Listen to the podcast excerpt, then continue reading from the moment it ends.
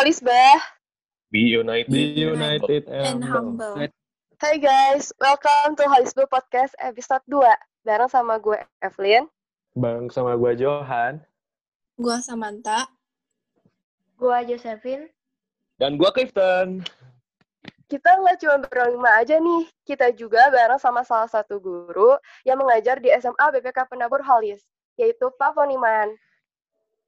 Halo semuanya, perkenalkan saya Pak eh, saya Pak Poniman, saya ngajar di SMA BPK Penabur Holis, ngajar PSP ya yaitu eh, Potential Skill Program, Fotografi dan Desain Grafis. Oh iya, by the way, di podcast episode 2 ini kita mau bahas tentang apa sih? Di podcast episode 2 ini kita mau bahas tentang sekolah online. Kalau misalnya kita ngomong tentang sekolah online nih ya, pasti banyak banget ya persiapan yang kita siapin sebelum PJJ.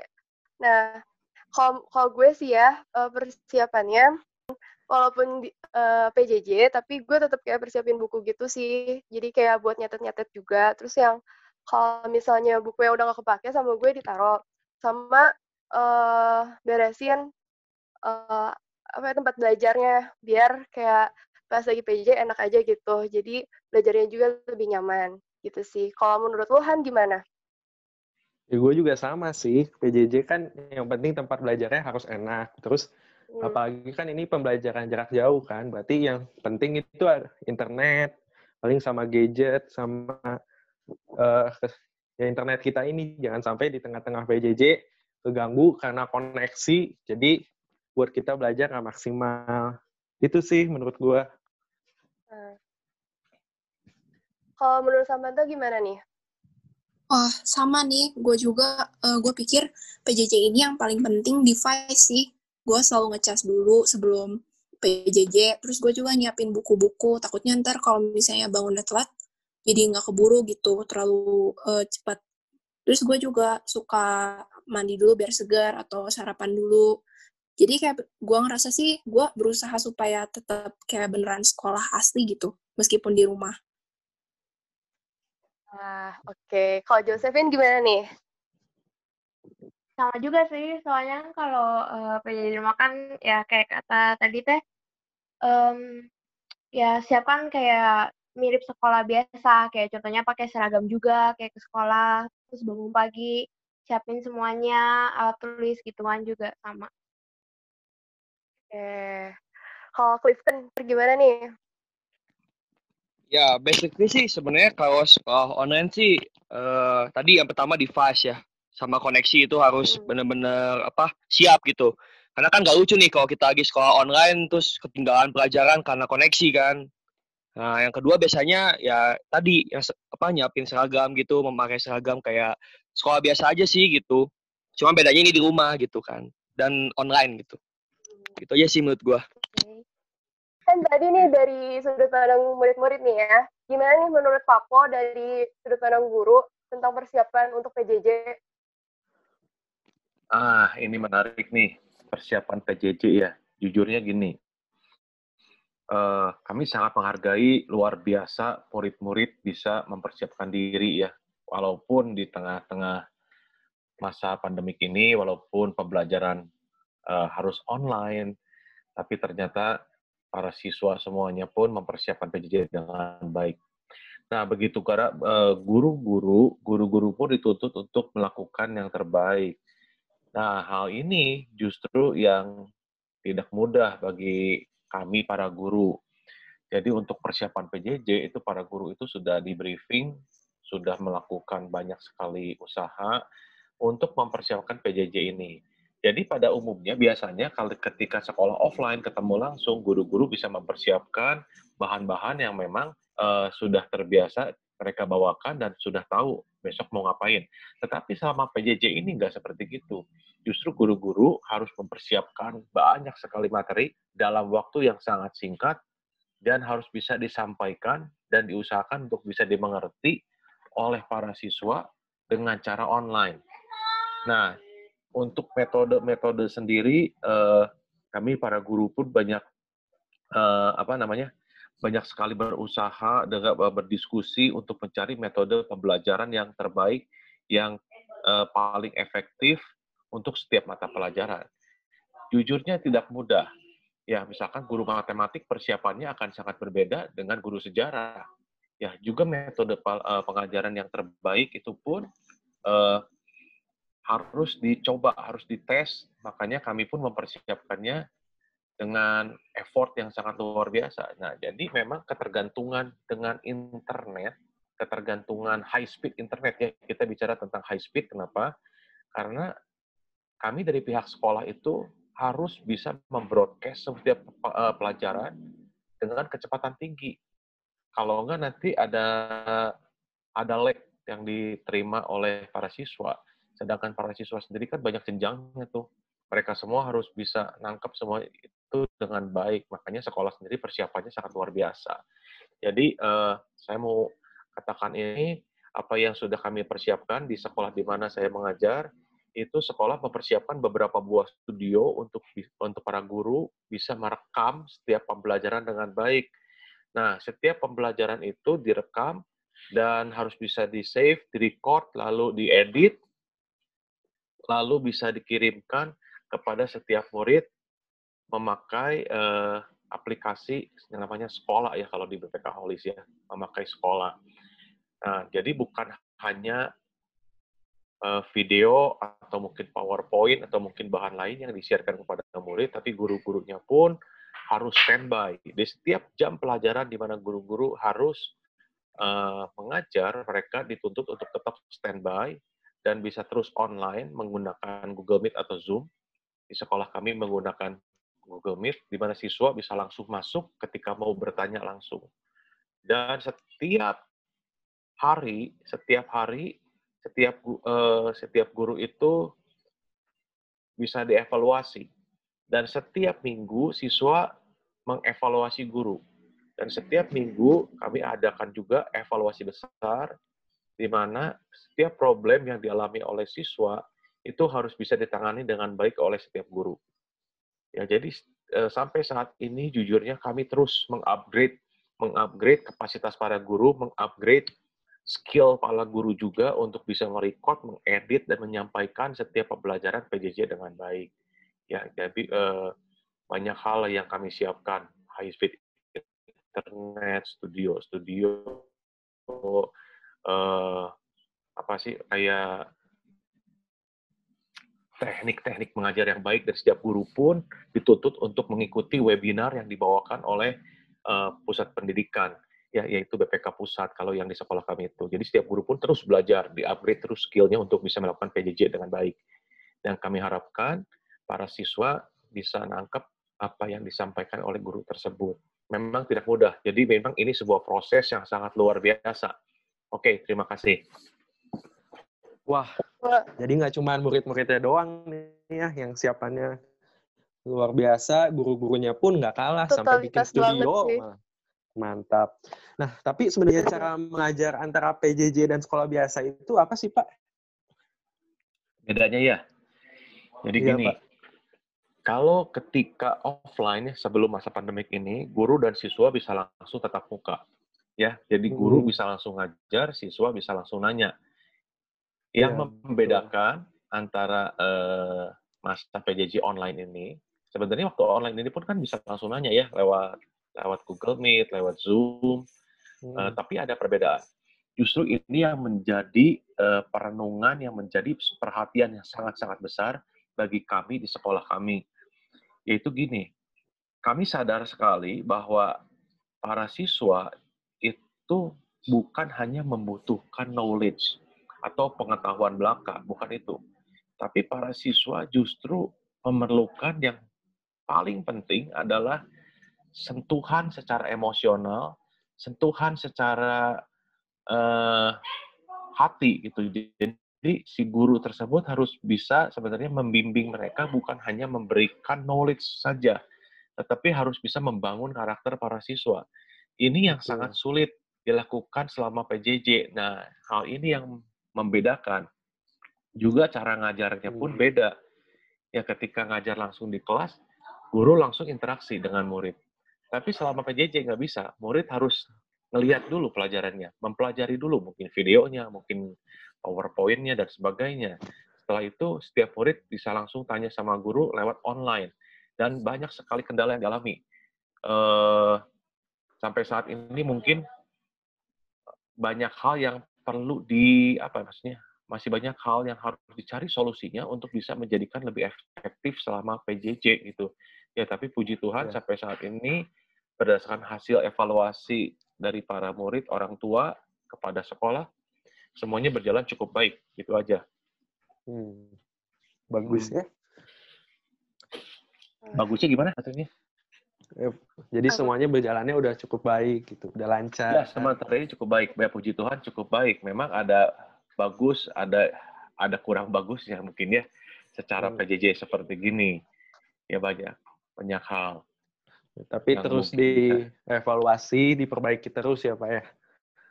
Betul, betul banget, betul, betul hmm. banget. Jadi memang ini perlu evaluasi antara orang tua, murid dan guru.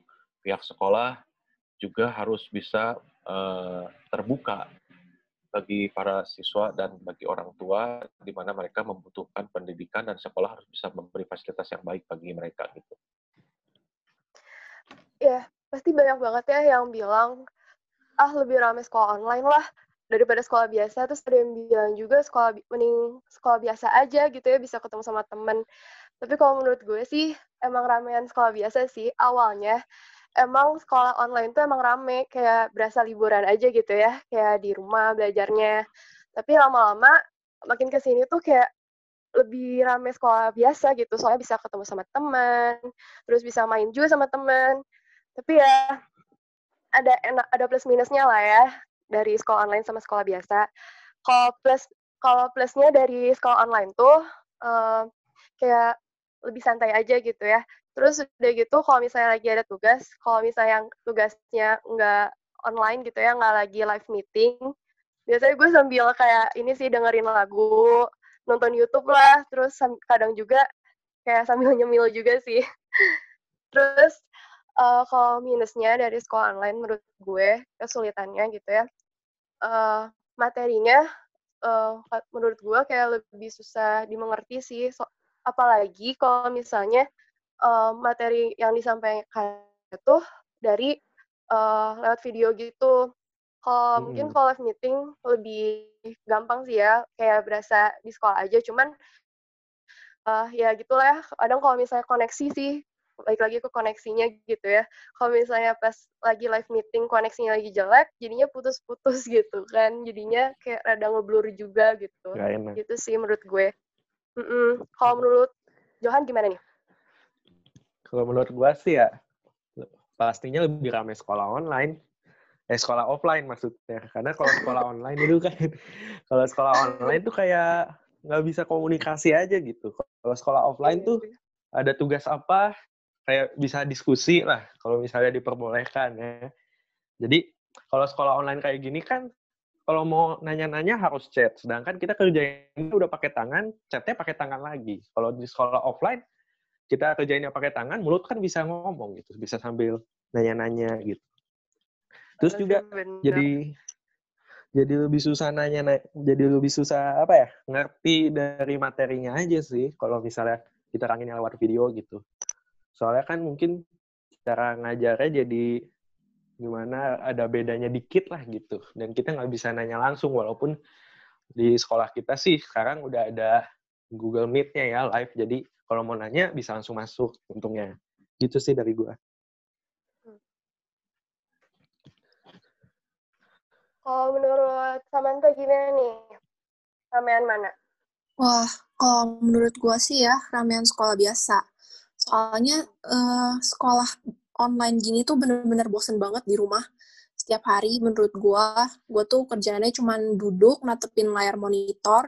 Dan gue bukan orang yang orang yang bener-bener bisa lama-lama lihat natep monitor kayak gitu. Soalnya gue gampang pusing gitu lihat layar. Terus Capek udah gitu ya? gue juga, iya, gue nggak ngerti banget materi yang disampaikan sama guru karena uh, gaya belajar gue tuh kadang-kadang beda gitu sama apa yang mereka pakai. Misalnya video, terus di backgroundnya tuh ada background musik lah atau mereka nyampeinnya kecepatan mungkin kadang-kadang. Jadi gue juga nggak bisa terlalu nangkep pelajarannya dan ulangannya juga gimana ya. Apalagi kalau pakai online terus internet gue ada gangguan gitu. Terus nilai gue jadi jelek gara-gara internet gitu bener-bener ganggu banget sih menurut gue. Apalagi Ya, apalagi pas lagi ulangan ya. iya bener banget Ah, itu itu Ah. ganggu banget. Terus kalau ada wifi materi yang mati, gak wah. ngerti, udah deh kalau misalnya gue gak ngerti tuh, gue malu nanya gitu. Karena gue kan baru masuk SMA pertama kali. Temen-temen Oh, iya. gue beda semua kelas, beda semua asal sekolahnya. Gue nggak kenal mereka gitu. Ya jadi enakan sekolah biasa sih kalau menurut gue.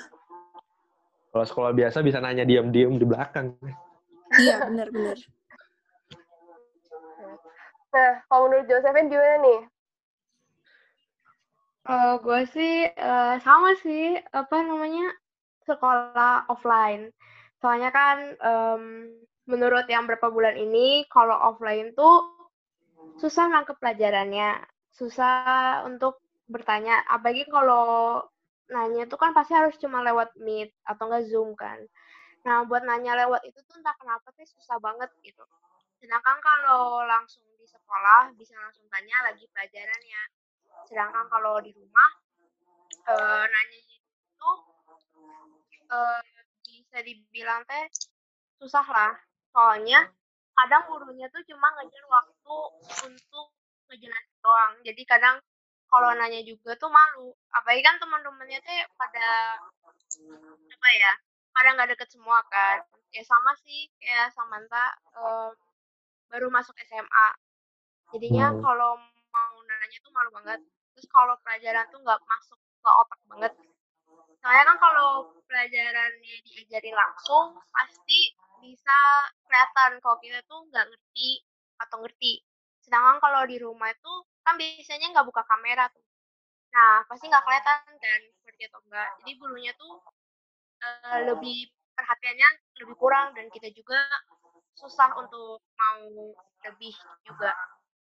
Hmm. Tapi sih kalau ya kalau tapi kalau ngomongin teman mungkin online tak kenapa lebih bagus sih soalnya eh teman-teman tuh kan pada di luar sekolah semua kan. Jadi kalau online call ini bisa sambil call pelajarannya gitu. Iya ya. Kalau misalnya guru, kalau misalnya pas lagi live meeting juga, guru juga kayak lebih fokusnya malah ke ininya ya, apa sih? Ke pelajarannya gitu ya, daripada kitanya. Hmm. Oh, Nggak iya bisa juga ya. kelihatan ekspresi kita ngerti atau enggak gitu. Iya, Iya, kita lagi ngapain juga nggak tahu.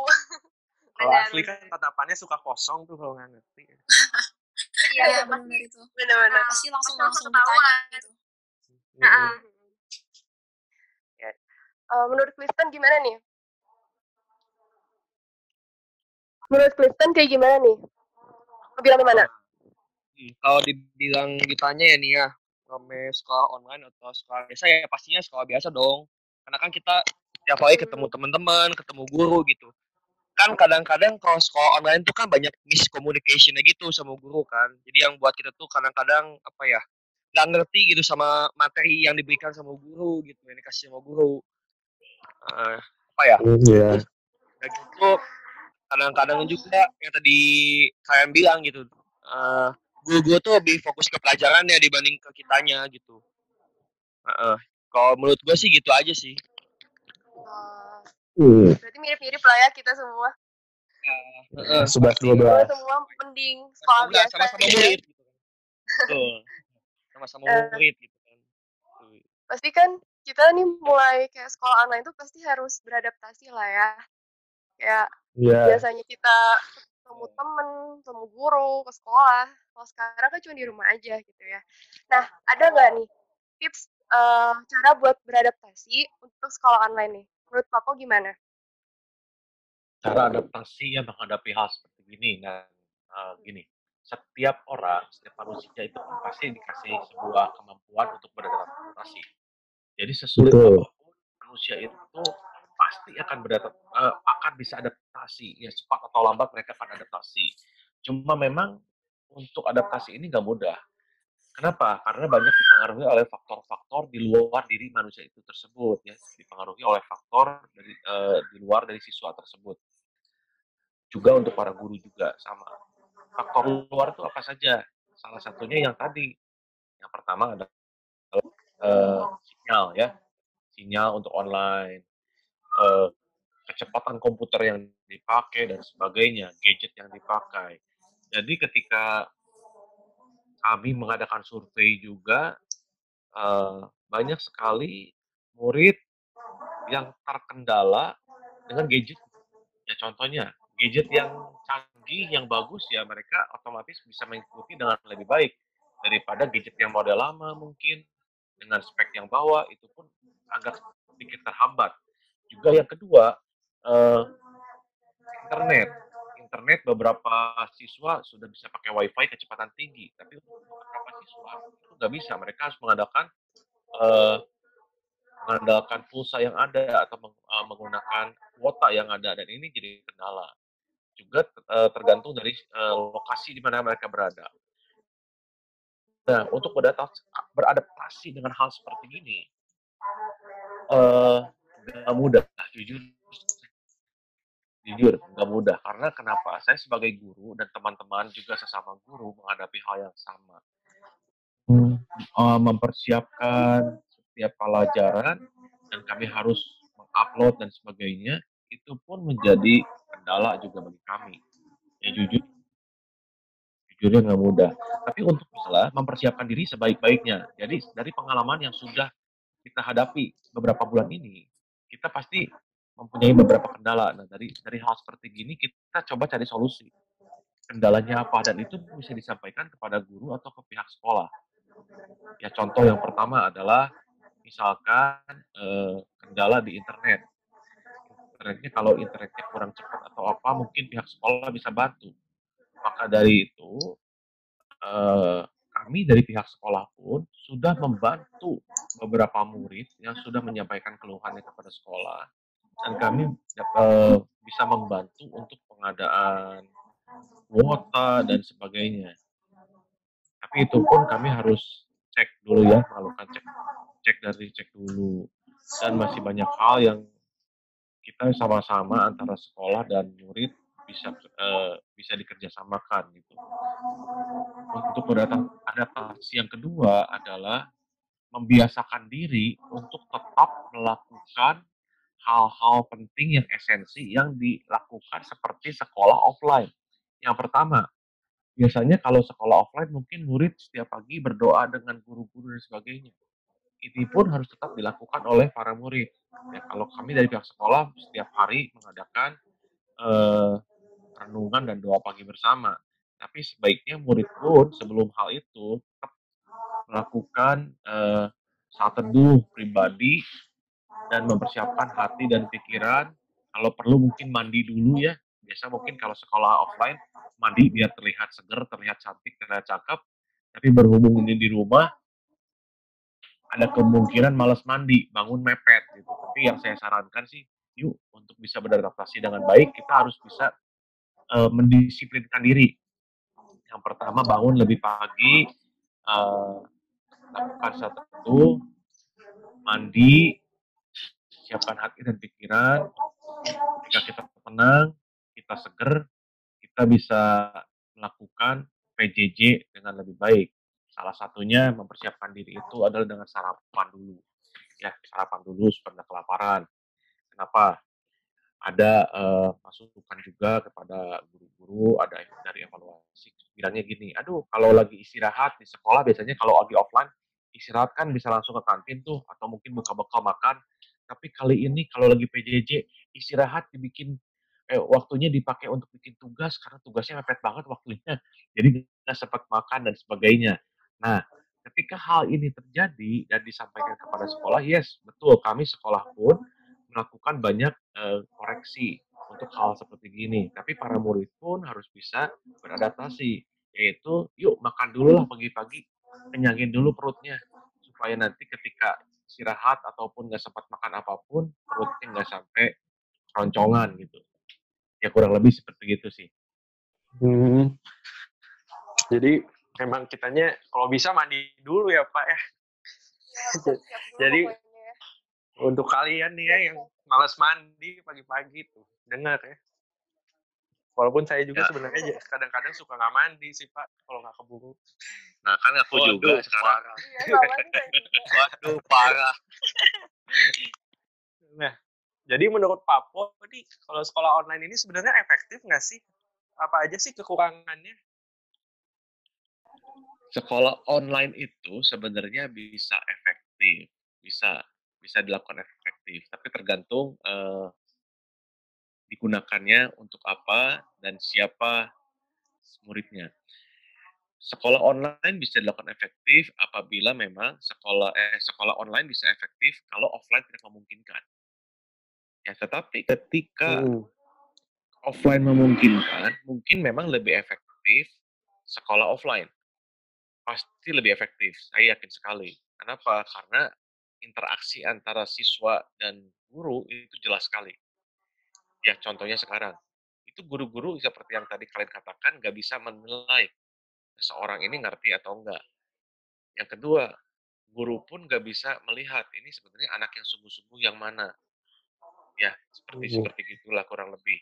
Dan jujurnya gini, ketika sekolah online saat ini, kami guru-guru juga ngerti dan tahu bahwa sebenarnya ketika kalian bikin tugas, kalian bisa kerjasama tanpa ngomong-ngomong ke guru, melakukan contek menyontek dengan sangat mudah, dan guru pun sebenarnya tahu. Tapi sangat sulit untuk bisa dicegah. Ini perlu yang namanya kesadaran diri. Ya, ini Mhm. makanya itu paling efektif pembelajaran itu sebenarnya di sekolah. Kenapa? Kenapa ketika di sekolah guru bisa menilai langsung kelakuan para murid, bisa melihat gerak-geriknya, bisa melihat interaksinya dengan teman, dan hubungan antara murid-murid dan sesama temannya dan hubungan murid dengan para guru ketika eh, ketika berinteraksi secara langsung bertemu itu akan sangat jauh lebih efektif daripada hanya ketemu online lewat lewat apa lewat internet. Eh, kami para guru itu sangat kesulitan saat ini untuk bisa memberikan dampak yang nyata kepada para murid. Kenapa? Karena memang kami nggak bisa menilai. Sangat sulit apa yang dilakukan oleh para murid di rumahnya. Hmm. Itu. Maka dari itu saya sebenarnya sempat berpikir, kami para guru pun sempat berpikir untuk bukan hanya berfokus pada menilai para murid apakah mereka nyontek atau enggak. Apakah mereka melakukan tugasnya curang atau enggak, bukan ke sana. Tapi justru kami para guru itu harus bisa mengajarkan mereka bagaimana para siswa bisa dengan sangat efektif menggunakan teknologi yang ada. Menggunakan informasi yang ada. Bagaimana mereka bisa mendapatkan juga informasi-informasi penting dengan cara cepat. Ini yang seharusnya dipahami uh, oleh para pengajar juga. Ya, jadi para guru ini mungkin sekarang sedang ber sedang ber apa namanya sedang bergumul para guru pun sedang berusaha untuk mengolah dan merubah metode mengajar tidak seperti pada waktu offline. Tapi jujurnya ketika offline pasti akan lebih baik, pasti akan lebih baik karena eh, banyak hal. Jadi contohnya gini, ketika murid buang sampah sembarangan, gurunya lihat, murid itu mungkin bisa ditegur atau guru itu pun bisa memberikan uh, contoh yang baik itu dengan cara membuangkan sampahnya di depan si murid tersebut. Tapi kalau di online ini nggak bisa. Jadi seperti Hmm. itu ya. Jadi uh, menurut saya online itu tidak seefektif offline. Walaupun memang sekolah online itu bisa dibikin efektif apabila ada halangan seperti saat ini.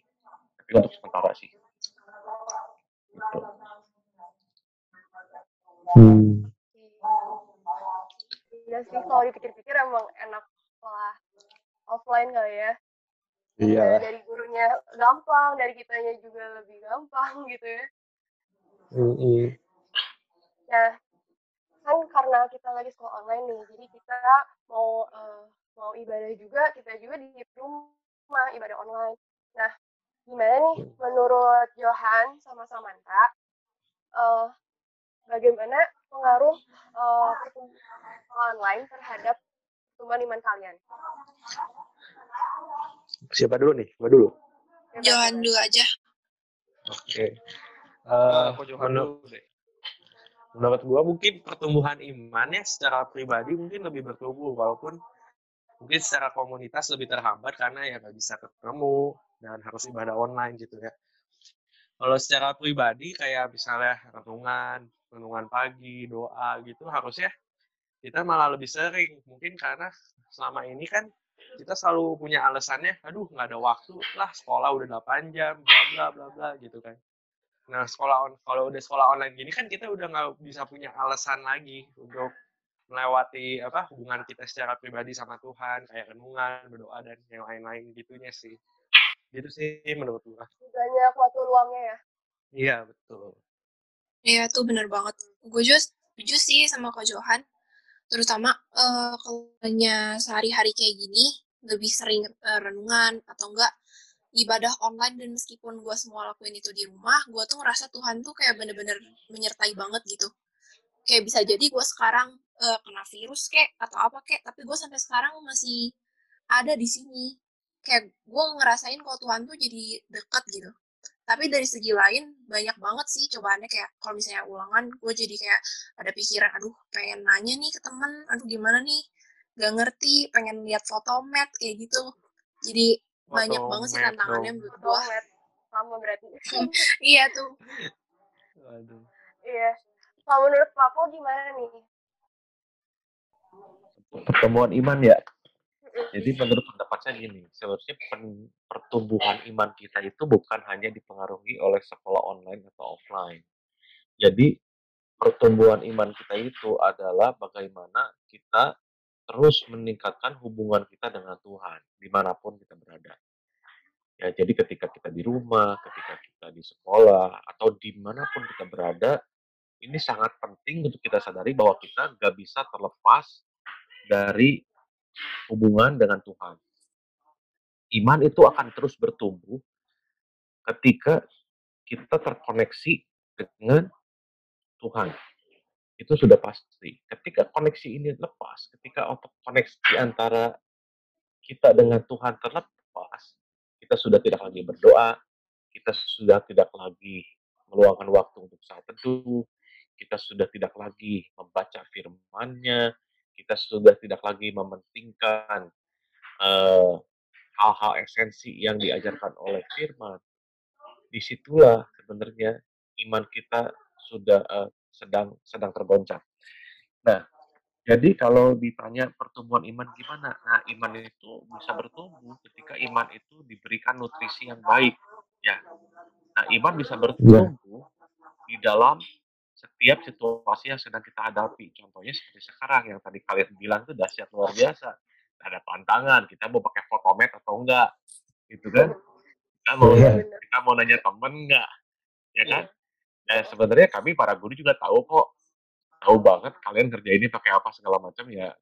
Di sinilah kita akan melihat uh, uji diri sendiri tanpa menunjuk orang lain tanpa mempersalahkan orang lain tapi kita sebaiknya kita refleksi diri sendiri lihat aja nah ketika iman kita bisa bertumbuh kita kita tahu bahwa iman yang bertumbuh akan menghasilkan karakter baik karakter baik itu akan membangun kejiwaan kita dan ketika kita terbangun semuanya menjadi baik masa depan kita tentu baik ya karena masa depan kita dibentuk oleh apa yang kita lakukan saat ini ketika kita bisa melakukan dengan iman, kita menganggap Tuhan kita adalah seorang yang patut dihargai. Tuhan kita adalah uh, Tuhan kita adalah Tuhan yang perlu kita hormati. Kita takut akan Dia, makanya kita akan terus melakukan kebenaran dan di sini iman kita akan terus bertumbuh. Iman bertumbuh bukan di tempat yang enak, iman bertumbuh di tempat yang gak enak, di mana banyak sekali cobaan ya.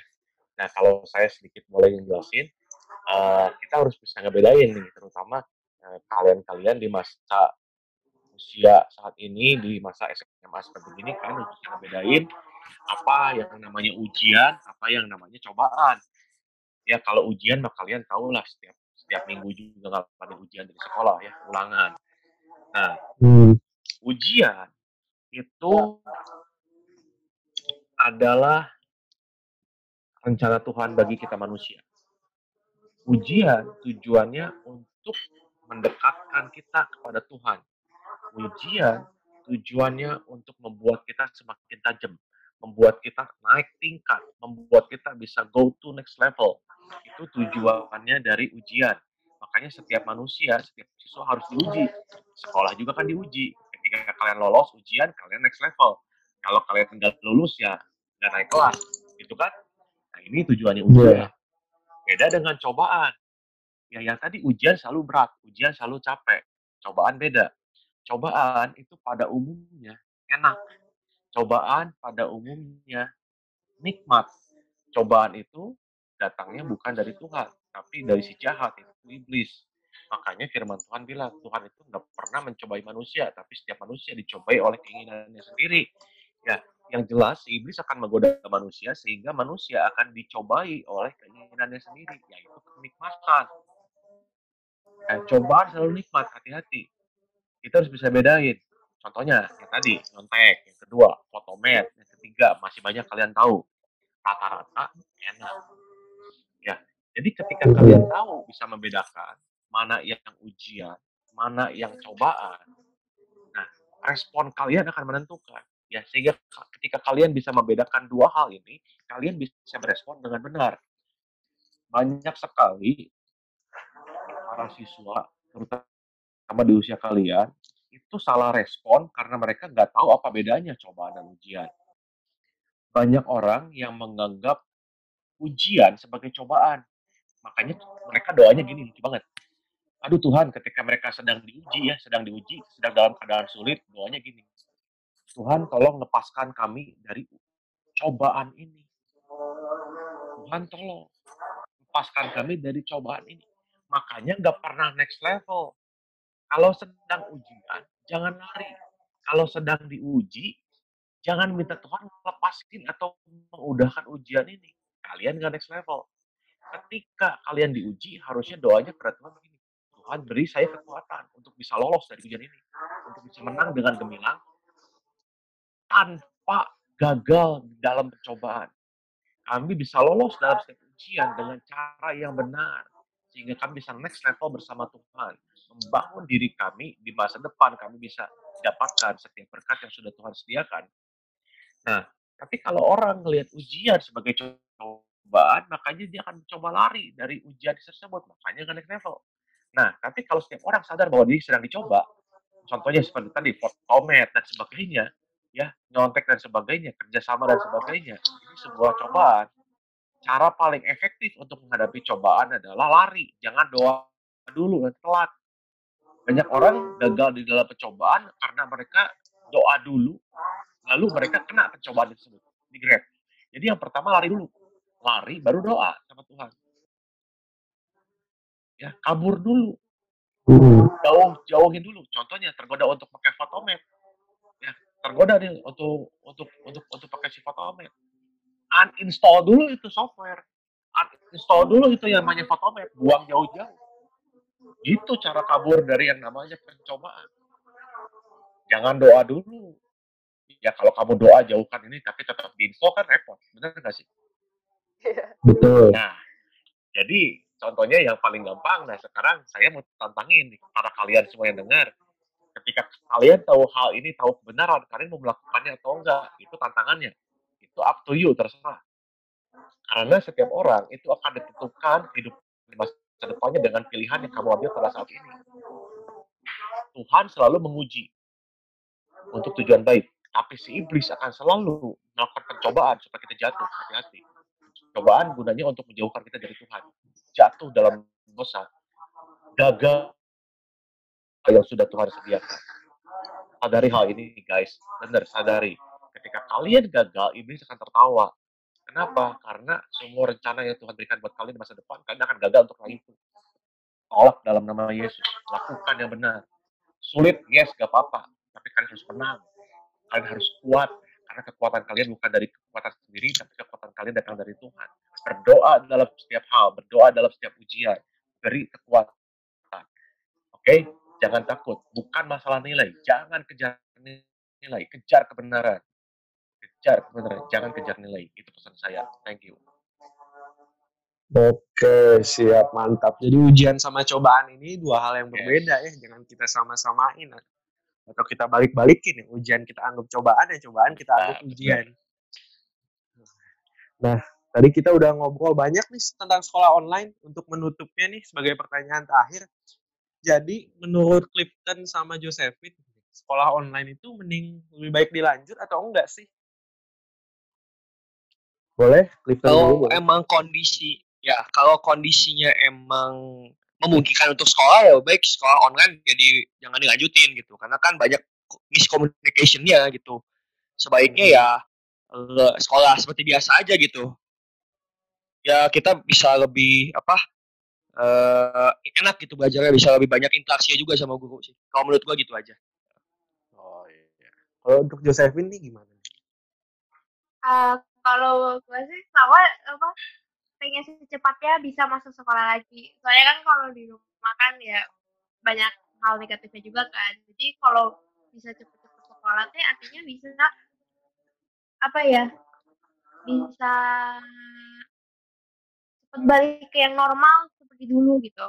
Ya semoga pemerintah apa ya lebih cepat untuk ngebolehin sekolah buka lagi ya tergantung angka yang kena corona juga sih jadi ya berharap aja bisa cepat bisa ke sekolah lagi Iya, Berdoa aja lah ya. Nah, kalau untuk Papo, Iya. gimana nih Papo? Ya usul sih kalau menurut saya sebaiknya sekolah tetap offline. Tapi online jangan dibuang. Online yang dibuang. Hmm. Tapi online itu juga sebagai satu pendukung yang offline. Jadi dua-duanya bisa berjalan berdampingan, saling mendukung. Offline tetap yang utama kalau buat pendapat saya. Ya sebaiknya sekolah offline, tapi online ini akan jadi satu tambahan yang menarik. Ya bagi para siswa juga bagi para guru untuk bisa eh, diterapkan memberikan pendidikan yang lebih bermutu di masa depan. Ya, jadi memang kita harus bisa berespon benar dalam situasi seperti ini, nangkep apa yang Tuhan mau taruh dalam setiap hal yang terjadi setiap kita masing-masing dan di sinilah kita berproses. Ya, jadi no worry, no worry karena offline tetap akan berlangsung. Tapi online jangan dibuang kalau buat saya sih. Jadi lakukan saja berdampingan offline dan online. Yang penting tujuannya adalah baik. Yuk kita sama-sama dukung, yuk kita sama-sama beradaptasi, eh, sama-sama saling membangun. Ya. Itu sih menurut saya. Ya, bener banget sih. Banyak banget ya eh, hal-hal yang bisa kita ambil dari podcast episode 2 ini tentang sekolah online. Dari bagaimana cara kita beradaptasi selama sekolah online. Terus ada eh, sharing-sharing tentang kesulitan juga sama kelebihan juga dari sekolah online. Terus juga bagaimana cara kita tetap men- menumbuhkan iman kita walaupun kita dalam masa sekolah online ini. Iya, betul banget tuh. Oke, jadi sekian aja nih dari podcast episode 2 kali ini nih. Thank you semuanya yang udah dengerin podcast kita hari ini dari awal sampai akhir dan juga untuk Pak Poniman untuk sharingnya mudah-mudahan bisa menjadi berkat nih buat kita semua Amin. dan juga bermanfaat bagi kita semua dan kalian yang lagi sekolah online nih. See you on the next episode. Bye. Oke, bye semuanya. God bless you all. Bye. Bye. Bye. God bless.